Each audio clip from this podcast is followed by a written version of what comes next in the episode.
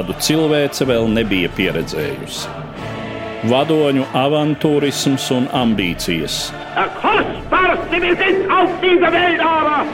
Valsts vīru neizlēmība un ilūzijas. Arvien jaunas valstis ievilktas kara virpulī. United States of America was suddenly and deliberately attacked nežēlīgi malti cilvēku un tautu likteņi. Lai dzīvo darba tautas draugs un ģeniālais vadonis biedrs Stalins!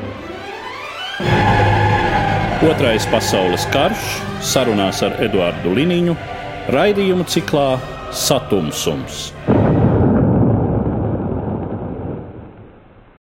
Labdien, cienījamie klausītāji! Šogad, kad atzīmējam 75. gadsimtu kopš Otrā pasaules kara noslēguma, aplūkoju šī kara norises, izmantojot fragmentus no raidījumu cikla Satumsums, kas pirmoreiz izskanēja ēterā no 2009. līdz 2015. gadam. Šajā raidījumā paraudzīsimies uz karā ierauto latviešu karavīru likteni tā finālā 1945. gadā. Vislielākais latviešu karavīru skaits nacistiskās Vācijas bruņoto spēku sastāvā tobrīd atradās Kurzemē, Latviešu leģiona 19. divīzijas un citu vienību sastāvā. Par viņu likteni stāsta vēsturnieks Latvijas Nacionālās aizsardzības akadēmijas pētnieks Valdis Kusmins. Ļoti būtiska nozīme ir 19. divīzijas komandiera Bruno Strehenbacha loma, jo tad, kad viņš saņēma kapitulācijas pavēli, tad viņš nevis izdeva kapitulācijas pavēli savām vienībām, bet gan formāli izformēja divīziju, paziņoja, ka katrs tagad dara, ko grib, divīzija pārstāja savu eksistenci.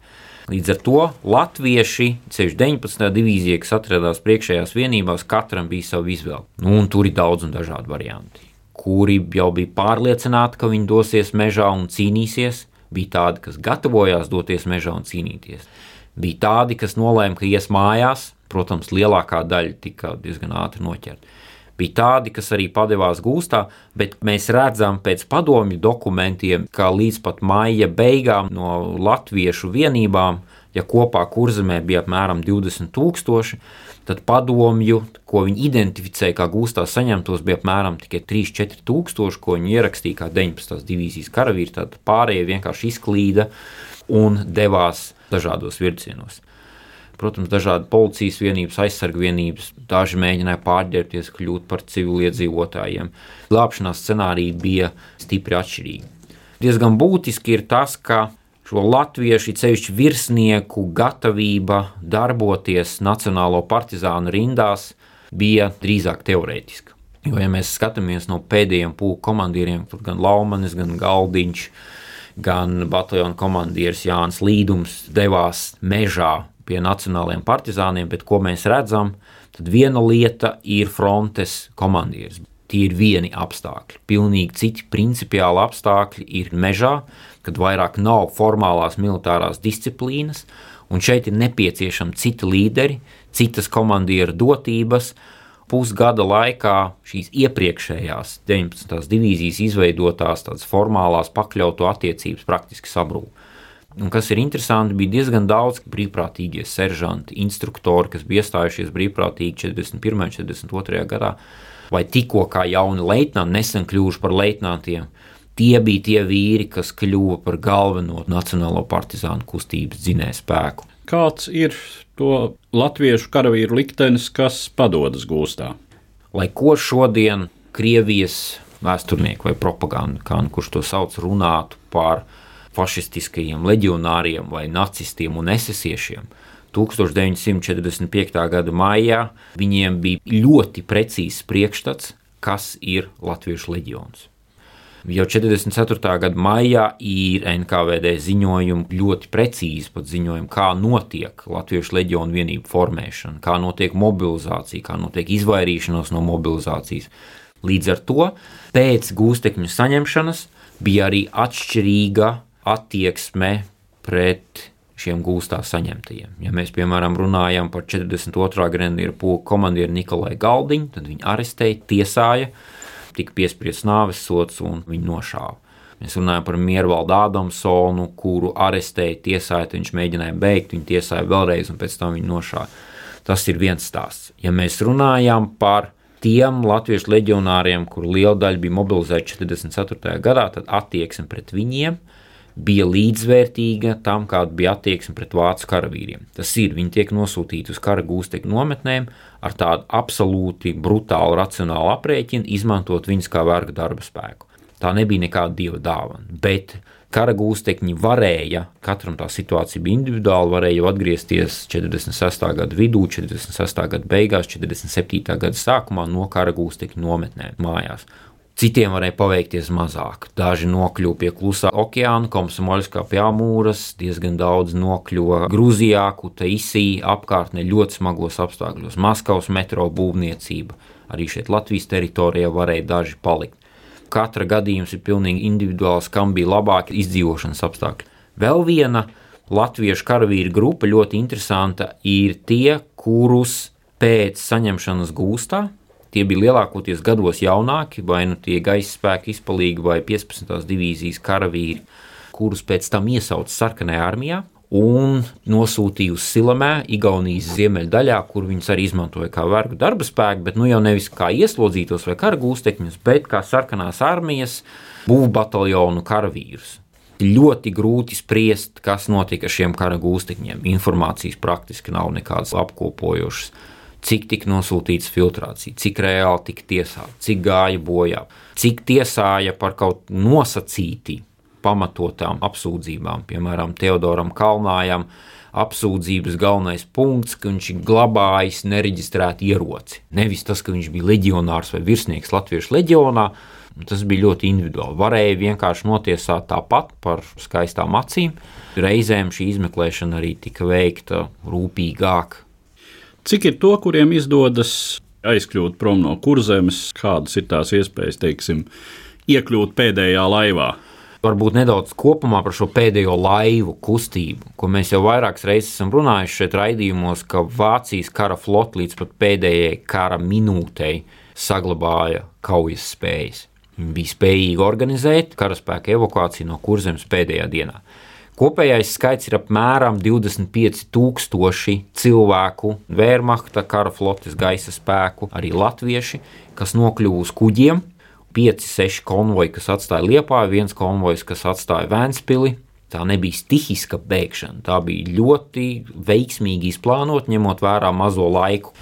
Un ļoti sekmīgi īstenota karaspēka evakuācija. Pēdējie kuģi atstāja Liepāju 8. māja vakarā, bija vēl atsevišķi kuterīši, kas atstāja 9. māja rītā un devās pāri Baltijas jūrai. Padomju aviācija un arī kara flote mēģināja konvojus pārtvert. 9. māja dienā vēl notika diezgan sīvas kaujas, ar ko viņi brauca ar visu. Lielākais kuģis bija tankers, uz kuru varēja uzkāpt vairāk kā 5000, un tad bija vesela rinda dažādu inženieru, desantu laivas, dažādu veidu prāmji, uz kuriem varēja būt ap simts karavīru nu, kuri tad arī kā mušas tur vienkārši bija salipuši. Ir saglabājušās arī bildes, kur izskatās vienkārši tāds eizis, kas kustās pa jūru un pateicoties tikai labiem laika apstākļiem, daži nenogriem. Dažas laivas tika pārķertas, atgrieztas atpakaļ Vēncpils ostā. Šī 25,000 īstenībā ir fantastisks skaitlis, ja mēs tā skatāmies, ar kādām tupelēm viņi mēģināja tikt pāri jūrai un cik tālu viņiem bija jābrauc. Jo tas mērķis bija Flensburga. Lielākā daļa tika līdz Dānijas austrumu krastam, Un pēdējais kuģis, cik zināms, iebrauca 14. maijā, kas vēl ceļoja praktiski sešas dienas, knapi vilkās pāri visai Baltijas jūrai. Latvieši, kā nu kuram paveicās, lielākoties, protams, ir tie, kas atradās Liepājā. Piemēram, Pūkvedis Kociņš, kas bija 44. pulka komandieris, bet kara beigās viņš jau bija latviešu pašpārvaldes sastāvā un atradās Liepājā, bija iespēja uzkāpt. Ir arī Valentīns Silamiķelis, kurš vēlāk nokļuva Zviedrijā no Bornholmas, pēc tam Zviedrijā, kur ir aprakstīts šo no Zviedrijas izdoto liktenis. Bija, bet tas skaits nebija tūkstošos. Un ir viens virsnieka apraksts, kur viņi dodas pāri visai Lietuvai, Polijai, jau okupētai Vācijas austrumu daļai un nokļūst Vācijas rietumu daļā. Sākotnēji viņi bija pieci, Ja nemaldos, beigās trīs tika, viņi bija bruņoti ar pistolēm un pārģērbušies, protams, un tas ceļojums viņiem ilga pusgadu. 45. gada novembrī viņi tika pāri robežu upei un jau nokļuva pie rietumu sabiedrotajiem. Tikām otra latviešu leģiona divīzija 15. līdz ar vairākām citām latviešu daļām kara noslēguma posmā nonāca Vācijā, kur arī sagaidīja tā beigas. Vairumam šo karavīru izdevās atkāpties uz rietumiem un padoties rietumu sabiedrotajiem. Turpina Valdis Kusmins. 15. divīzija, kas nonāca tā laika Vācijas teritorijā 1944. gada augusta beigās, septembra sākumā, improvizācijas ceļā. Tas nebija Himmlera vai Hitlera plāns. Tad, kad pirmās 15. divīzijas vienības nonāca Dancigas respektīvi Gotenhāfenes ostā. Tas bija pilnīgs pārsteigums visiem vietējiem ieroču komandieriem. Neviens nezināja, kur viņus likt, ko ar viņiem darīt, un vēl nedēļa pēc pirmo vienību ierašanās notiek telefons sarunas starp Berlīnu un Dancigu, kur mēs viņus liksim, ko ar viņiem darīsim. Latviešu karavīru liktenis Vācijā savā ziņā ļoti traģisks vairāku apstākļu dēļ. Tie bija tikko mobilizētie latviešu jaunieši, 18, 19 gadus vecie, kuri brīdī, kad viņus izveda no Latvijas, pat nebija mobilizēti. Formālā viņu mobilizācija notika jau Vācijas teritorijā, Ziemeļpomerānijā, Austrum Prūsijas apmācības laukumā. Un tikai pēc tam sāk domāt, kā viņus apmācīt, no kurienes ņemt ieročus. Sāka no nepareizās kājas jau uzreiz. Un mēnešiem ejot, tas tikai pastiprinājās, jo no Latvijas tika atvesti evakuētie policijas karavīri, dažādi policijas bataljoni, policijas pulki, tajā skaitā arī drošības policijas divu bataljonu, tā saucamie bijušie arāja komandas karavīri ar pašu Viktoru arāju priekšgalā, kurus arī neviens nezināja, ko ar viņiem darīt, kur viņus likt, piemēram, policijas pulka karavīri bija kā karsts kartupēlis, ko nezināja, ko ar viņiem darīt. Beigās viņus izmantoja kā sapierus, tā saucamos tornas grāvračus, ieročus viņiem neizdalīja, un tā viņi klīda par Pomerāniju līdz pat 1945. gada marta sākumam, kad visa šī teritorija bija zaudēta un Vācijas karaspēks bija spiests atkāpties marta beigās vairāki tūkstoši 15. divīzijas karavīri tika nosūtīti atpakaļ uz kurzem. Ir atmiņas, ka bija karavīri, kas pieteicās brīvprātīgi, daļēji viņas vienkārši atlasīja un nosūtīja, kas būtiski grāva divīzijas kaujas spējas šīs kaujas spējas. Tā jau bija ļoti zemā līmenī, tāda objektīva iemesla dēļ. Tas ir pozitīva, visiem saprotama cīņas mērķa trūkums. Līdz ar to, ka 1945. gada janvāra beigās 15. divīzijas improvizētās vienības tika iesaistītas kaujās, viņas nebija labākajā stāvoklī. Un kaujas, kas lielākoties praktiski bija atkāpšanās ar kauju, janvāra beigās, februārī līdz pat marta vidum, bija tādas ļoti asiņainas ar lieliem zaudējumiem, daudz gūstekņu, daudz bezvēsts pazudušo, daudz arī noklīdušo, arī dezertējušo. Marta beigās 15. divīzija nonāca no Brandenburgā, tad no tās jau bija palikusi tikai ēna un bija jāsāk atkal improvizācijas ceļā mēģināt šo divīziju būvēt no jauna. Lai gan, ja mēs skatāmies vācu kartēs, tad jā, bija ļoti smuki tāds zils apaļš riņķīts, ir iezīmēts, Neubrandenburgā, viņi atrodas rezervē, bet reāli tā bija tāda fikcija, kas ļoti raksturo to, kas notika Vācijā aprīļa beigās. Pieļauju, ka Hitlers skatījās kartē ar pirkstu bakstīju un redzēja tur 15. divīziju, bet es šaubos, vai viņam bija skaidrs, ko reāli 15. divīzija tajā brīdī varēja izdarīt. Runājot par kaujām Pomerānijā, janvāra beigas, februāra sākums. Tur ir viena tāda epizode, kuru regulāri šobrīd piesauc. Krievijas propaganda, tātad šī iespējamā 32 poļu kara gūstekņu nogalināšana. Tas ir stāsts par Flederbornas ciemata iznīcināšanu 1945. gada janvāra beigās, pašā februāra sākumā. Atkāpšanās rezultātā 15. divīzija nonāca pilnīgā ielenkumā, no kura šai 15. divīzijai vajadzēja izlausties. Un izlausties ceļš ziemeļu virzienā gāja caur ciematu, ko poliski sauc Podgai, un šajā Podgai ciematā pēc tam, kad poļu armijas vienība šo ciematu atbrīvoja februāra beigās, tika atrasti nogalināti poļu kara gūstekņi. Ir ļoti labs Edvards Andersa raksts 27. sējumā valsts prezidenta vēsturnieku komisijas rakstu krājumā. Viņš pats ir ļoti sīki izpētījis, no kurienes radās šis priekšstats, ka latvieši tur ir šāvuši. Poļu karagūstekņi tika nogalināti, izlaužoties no ielēkuma, bet visticamāk, ka atbildība par šo karagūstekņu nogalināšanu ir jāuzņemās 48. SS grenadieru pulka vadībai, kas bija Podgais garnizona komandieri. Gūstekņus saņēma 15. divīzijas 34. grenadieru pulka karavīri.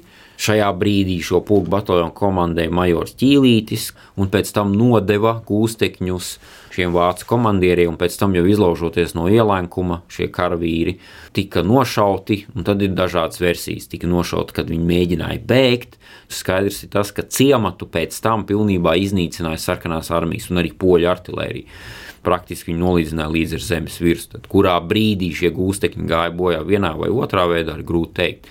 No latviešu puses ir atmiņās rakstīts, ka poļi tika saņemti gūstā, ir liecības, ka poļi tika atlaisti kā gūsteņi, vienkārši viņas nebija kur likt atkāpšanās laikā.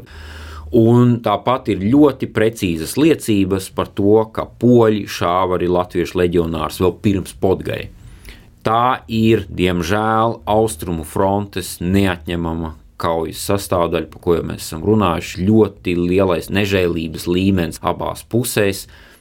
Kāds tad ir 15. divīzijas liktenis kara pēdējā mēnesī, tātad 45. gada aprīlī? No marta beigām līdz aprīļa vidum notiek tāda druģaina 15. divīzijas pārbūves, mēģinājums radīt vismaz pāris kaujas spējīgas vienības tiek formēts 32. grenadieru pulks, kurā tiek ieskaitīts no citām vienībām. Un šīs vienības ir ļoti vāji apbruņotas. Liecības, ka ieročus atņēma un nodeva vācu vienībām. Viņas mēģina iesaistīt ierakuma rakšanas darbos. 20. aprīlī tiek izveidota tā sauktā Januma kaujas grupa, kas balstīta uz 33. grenadieru pulka sastāvu, kurā bija trīs improvizēti kaujas bataljoni, Pūkveža Januma vadībā tiek nosūtīti Berlīnas aizstāvībai. Bet 20. aprīlī Pūkveža Janums pieņem lēmumu kaujās neiesaistīties, apējot Berlīnu no dienvidu puses, sāk ceļu pie rietumu sabiedrotiem un 26. aprīlī sasniedz Elbas sateku, kur padodas rietumu sabiedrotiem Kūstā jau kā pirmā vienība, kas reāli ir padevusies. Šīs vienības kaujas ceļš ir savā ziņā arī traģisks, jo viens no kaujas grupas bataljoniem, kas bija saformēts uz 15. izlūku bataljonu bāzes, netiek paņemts līdzi. Un tas ir diezgan diskutabls jautājums, ko arī latviešu virsnieki pēc tam savā atmiņā raksta. Kā tā sanāca, ka no Januma kaujas grupas divi bataljoni aizgāja ar Janumu kopā, bet trešais bataljons palika. Janums to apraksta, ka viņš bija devis pavēli, bet tā pavēle kaut kur noklīda Es esmu lasījis arī virsnieku liecības, ka tā kā šo bataljonu komandē vācu virsnieks Vallī, tad Janums negribēja iesaistīties ar viņu un vienkārši atstāja šo izlūku bataljonu, kurš pēc tam jau kauju laikā nonāca pašā Berlīnas centrā Un ir Aivara Petersona sarakstīta grāmata, kur ir apkopotas atmiņas par to, kā viņiem tur gāja, kur viņi atradās gan pie Reichskancelējas, gan gaisa spēku ministrijas pašā Berlīnas centrā, atsevišķas kaujas grupas. Un viens no šīs kaujas grupas virsniekiem, virsleitnants Neilants, arī zinādams vācu un krievu valodu, bija viens no tiem, kas bija kā tulks kapitulācijas sarunās starp vāciešiem un padomju karaspēku. Bija arī karavīri, kas nokļuva gūstā, ir karavīri, kas mēģināja izkļūt no Berlīnas, bet tas ir ļoti, ļoti traģisks latviešu karavīru liktenis, kas bija spiesti aizstāvēt pēdējo Hitlera aizsardzības punktu, kur bija latvieši, dāņi, zviedri, norvēģi. Visas Eiropas tautas bija iesaistītas šajās kaujās bez jebkādas reālas jēgas. Kara muzejā ir divi karavīru atmiņas, kas ir rakstītas rietumos par viņu likteni, kā viņiem ir gājis, kādos haotiskos apstākļos viņi karojuši. Un šajās atmiņās tur nav nekādas vadības. Tur labākajā gadījumā ir vats, grupa, nodaļa, kas cīnās, un viņa cīņas motivācija tikai palikt dzīviem un palīdzēt saviem cīņu biedriem. Kas notiek ar to 15. divīzijas daļu, kas neiekļaujas Januma grupā? Tie, kas palika pāri, liela daļa bez ieročiem un noteikti ļoti vāji apmācīti, jau 20. aprīļa datumos, pēc tam, kad Rokosovska, otrā Baltkrievijas fronte, forsē Oderas upi, vienkārši sāk atkāpšanos. Šeit aizstāvās trešā tanka armija, kur komandēja Hasels un Mantēfels, kurš ir ļoti pragmatisks komandieris un saprot, ka šeit reālas cīņas nebūs. Tad sākās vienkārši vācu karavīru atkāpšanās ar mērķi padoties rietumu sabiedroto gūstā. Un šīs 15. divīzijas lielākā daļa pie Šverīnas, ja nemaldos, tas bija 3. maijā, arī padodas rietumu sabiedrotajā konkrētā angļu gūstā, kur pēc tam sākās viņu gūstekņu ceļš. Bija vēl viena daļa, kas atradās Dānijā, Korsērē, tas bija rezerves bataljona vienības, kas arī kapitulēja šeit, rietumu sabiedrotajiem. Droši vien novērtējot pulkveža Januma rīcību, nu, tas ir uzteicams un Jā, nu no tādas drosmīgs solis. Jā, tas bija drosmīgs solis noteikti, jo tajā brīdī vēl vācu vadība kontrolēja situāciju. Janums tika meklēts, kur viņš ir palicis. Un savā ziņā, ja mēs skatāmies veids, kā Januma kaujas grupa izgāja no ielām, klusām, bez kaujām, sešās dienās nogāja šo visu gabalu, vienkārši ņēma un pazuda. Tīri tehniski tas bija tāds ļoti, es gribētu teikt, latviešu stilā. Tā pakluso nosvīda, un neviena nevarēja atrast ne pretinieks, ne savējie. Kara beigas kurzemes frontē sagaidīja arī tie latvieši, kuri bija mobilizēti sarkanajā armijā un karoja 130. latviešu strēlnieku korpusā. Stāsta vēsturniece Latvijas kara muzeja līdzstrādniece Ilze Jermacāne. Netālu no Remtes muižas bija Imulas upes korpus, un 43. gadas divīzija korpusa sastāvā esošā atrodas Plāņu muižā. Viņi tur beidz karu, viņi tur atrodas 8. maijā, 9. maijā un pat šķiet līdz māja beigām. Jo korpusam Rīgā atļauj atgriezties tikai 22. jūnijā, kad ir korpusa svinīga sagaidīšana. Kara muzejā mums ir ļoti daudz labas bildes, kurās ir redzami smaidīgi korpusa karavīri, ar ziediem, kuri soļo pa brīvības ielu, starp citu, gar brīvības pieminekli. Pirmā demobilizācija notiek 45. gadā jo 45. gada šķiet 23. jūnijā jau ir pirmā direktīva par to, ka sarkanā armijā tiek demobilizēti 1895. līdz 1915. gadā dzimušie. Un septembra direktīvā ir no 1905. līdz 1915. gadā tiek demobilizēti šie karavīri. Un dati, kādi ir šobrīd pieejami, ir tie, ka līdz 1. janvārim ir demobilizējušies 29,000 aptuveni latviešu karavīru bet tā lielākā demobilizācija tomēr notiek 46. gada pavasarī, kad tika izformēts 130. latviešu strādnieku korpus un tiek likvidēta arī 308. latviešu strādnieku divīzija, kas ir viena no divām korpusa divīzijām, bet 43. Eh, gvardas divīzija turpina pastāvēt un viņa pastāv līdz pat 56. gadam, kad visai neskaidros apstākļos viņa tā klusām, mierīgi tiek likvidēta. Mēs neviens to pavēlu šobrīd neesam atraduši par 43. gadas divīzijas likvidēšanu 56. gadā. Bijušie divīzijas karavīri viņus sauc par galma divīziju. Viņa kļūst par Baltijas karā apgabala parādes karaspēka vienību. Un nu paraudzīsimies uz Otrā pasaules kara izskaņu kara dalībnieka acīm. Turpinājumā fragments no 2014. gadā ierakstītās sarunas ar puķkopi un selekcionāru Jāni Vasarieti. Savulaik Vācijas gaisa spēku latviešu nakts bumbvedēju aviācijas pulka diškareivi. Es pamatā biju apmācītājs, un pēc tam es biju kanclers žurks saucamā. Jo es pārvaldu priecas sešu valodas, vācu valodu es pilnīgi pārvaldu, un eh, es lidmašīnai esmu stāvējis tikai blakus. Man liekas, ka mums bija ap 60 tieši lidotāji, kur lidoja uz vācu veciem bumbvedējiem ar rādo tipa, kur maksimālais ātrums bija 250 km/h un kuri nevarēja dienas laikā gaisā parādīties, jo krievi iznīcinātāji momentā viņus notriektu. Nu, mūsu pienākums bija mest bumbas uz Krievu pirmajām pozīcijām. Sākot ar vecumiem, tālāk laikam aizgāja līdz Rumbulai, no Rumbulas uz Rīgu, no Rīgas uz Tukumu, un no Tukuma atpakaļ uz Liepāju un tad uz Kenigsbergu. Mūs noņēma visas lidmašīnas, jo, protams, valstiešiem trūka benzīna, un ar tādu tipu lidmašīnām jau gaisā parādīties bija ļoti riskanti, un mūs pielika pie zemīs lielgabaliem, iemācīja uz apkalpot, un tie bija 88 mm lielgabali, un tie bija labākie lielgabali pasaulē tajā laikā, smagie lielgabali. Mēģinājām notriekt, un arī gadījās notriekt tās lidmašīnas, kas lidoja Königsbergā un tās apkārtnē. Vienu dienu mūsu vienībā ieradās pulkvedis Bulmanis. Un es kā jau kanclers priekšnieks būdams, stādījos viņam priekšā savu uzvārdu vārdu, un viņš teica, vai jūs tēvs nav Friedrichs Zomers vasarietis? Jā, es, protams, atzinos, ka tā ir. Viņš saka, es viņu pazīstu, kā es jums varu palīdzēt, viņš man prasa. Es saku, es negribētu nokļūt Krievijas gūstā, jo Krievijas pozīcijas jau mums tik tālu no Knisbergas nebija. Nu, viņš teica, jums ir divas iespējas. Vai nu es parunāšu ar jūsu priekšnieku, lai jūs aizsūta un apmāca par izpletlecējiem, un tad jūs nometīs varbūt Krievu aizmugurē, tad Dievs ar jums iet uz māju vai, dariet, ko jūs vēlaties.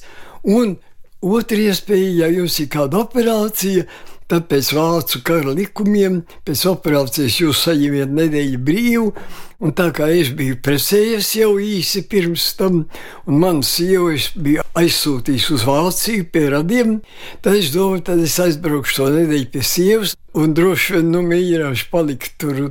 Nu, es tā arī pierunāju doktoru, ka man ļoti slivas mandels, un man tas mandels arī izoperēja. Un faktiski divas dienas tajā slimnīcā atļauj palikt. Un es staigāju pa tās pilsētīs ielām, šo pilsētīs uz Štargarda, kāds kilometrs 40 tur no Kenigsbergas. Un es tur satieku pulkošu kripanu meitu, nonnu vārdā. Un to nonnu es ļoti labi pazinu, un es tagad nonnai saku, nonna, ved man pie savu tēva, diškarējus Jānis Osaries grib kļūt par tavu tēvu zābaku pucētāju lai tikai es tiktu pāri uz uh, rietumiem. Nu, viņa teica, ka tēvs pašais ir izbraucis, bet otrā dienā viņš būs, uzdeva adresi savu. Un es te otrā dienā aizgāju, bet pulkvedis kripēts ar visu nonu jau bija aizlaidies uz rietumiem. Un tā es paliku, un tad mūsu, protams, Krievu aplinca, bet tajā laikā Kenigsbergā drupas novāca franču kara gūstekņi žandarmu apsardzībā. Bet mēs gājām pie viņiem klāt, tas ir mēs, esam divi. Jānis Foseries uz iedodas apsīts, kurš bija franču licebeidzis. Mēs abi mācījām franču valodu labi un mēģinājām pierunāt tos franču gūstekņus, lai viņi mūs uzņem savā pulkā un pataisa par francūžiem. Nu, divreiz mēs gājām, un trešo reizi viņi ar lielām atrunām pieņēma mūsu, teica, ja Krievi būs viena pusē, un mēs būsim otrā pusē, tad nāciet. Bet nu nelaime bija tā, ka tieši tajā laikā, kad varēja pie viņiem aiziet un kļūt par francūzi, es dabūju ievainojumu kājām, man bija plats kontuziju, bet pēc kara es atgriezos no gūsta mājā, tūdiņ aizbraucu pie Ziedoņa apsīšu vecākā brāļa Vaidloša apsīšu, kur visu Latviju pazīst kā arhitektu. Un jautāju, un viņš teica, jā, Ziedonis ir Francijā un mācās par frizieri, bet viņš ir divreiz pielikts pie sienas, jo francūži noturējuši viņu par vācu spiegu. Arī man tāds gadījums bija. Tad, kad man saņēma gūsta veidu pratināt, pratinātājs bija poļtrugs, un eh, krievu valodā viņš man iztaujā, jo paņem tulku. Es viņam teicu, man tulku nevajag, es runāju brīvi krieviski. Viņš uzlec kājās uz brēcu. Ты Vlasovets, тебе расстрелять надо. Blasovietis tā tad jā, un tev ir jānošauj. Krievs, kas jā. karo vāciešu pusē. Tieši tā, jā, Vlaso armija. Nu, un, un tad, kad es viņam netīšām kaut kā uzprasīju, что такое Vlasovets? Pareizi būtu, ja būtu prasījis, kto такой, jo kto prasa par dzīviem, što par lietām. Un tā viņš saprot, ne, es neesmu īsts krievs un, protams, neesmu lasovietis. Beidzās tā, ka sarakstīja garu, garu protokolu, novietoja man kazarmēs pie visiem pāriem gūstekņiem. Tad pēc kādas pāris nedēļām mūs sakramēja lopu vagonos un aizved uz Jāsienas apgabalu, kur pielika mūs pie Maskavas sarātos gāzes vada grāja rakšanas. Bet tā kā es biju dabūjis šķembu kājā, man, paldies Dievam, neatņēma zābakus, tāpēc, ka zābaks bija caurs, kur bija tā šķemba iekšā. Bet mani toties pielika pie tīfa slimniekiem par kopēju, par ēdienu nesēju un tā tālāk. Es saku tikai to, ka man ir vismaz trīs vai četri gadījumi, kara un pēckara laikā, kur man vajadzēja būt beigtam.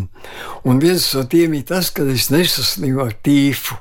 Līdz ar to izskan mūsu raidījums, kas bija veltīts latviešu karavīru liktenim Otrā pasaules kara izskaņā. Dzirdējāt vēsturniekus, Latvijas kara muzeja līdzstrādnieci Ilzi Jermacāni un Latvijas Nacionālās aizsardzības akadēmijas pētnieku Valdi Kuzminu, kā arī kara dalībnieku, puķkopi un selekcionāru Jāni Vasarieti. Uz redzēšanos, cienījamie klausītāji! Raidījumā šīs dienas acīm cikls Satums - sarunas par Otro pasaules karu.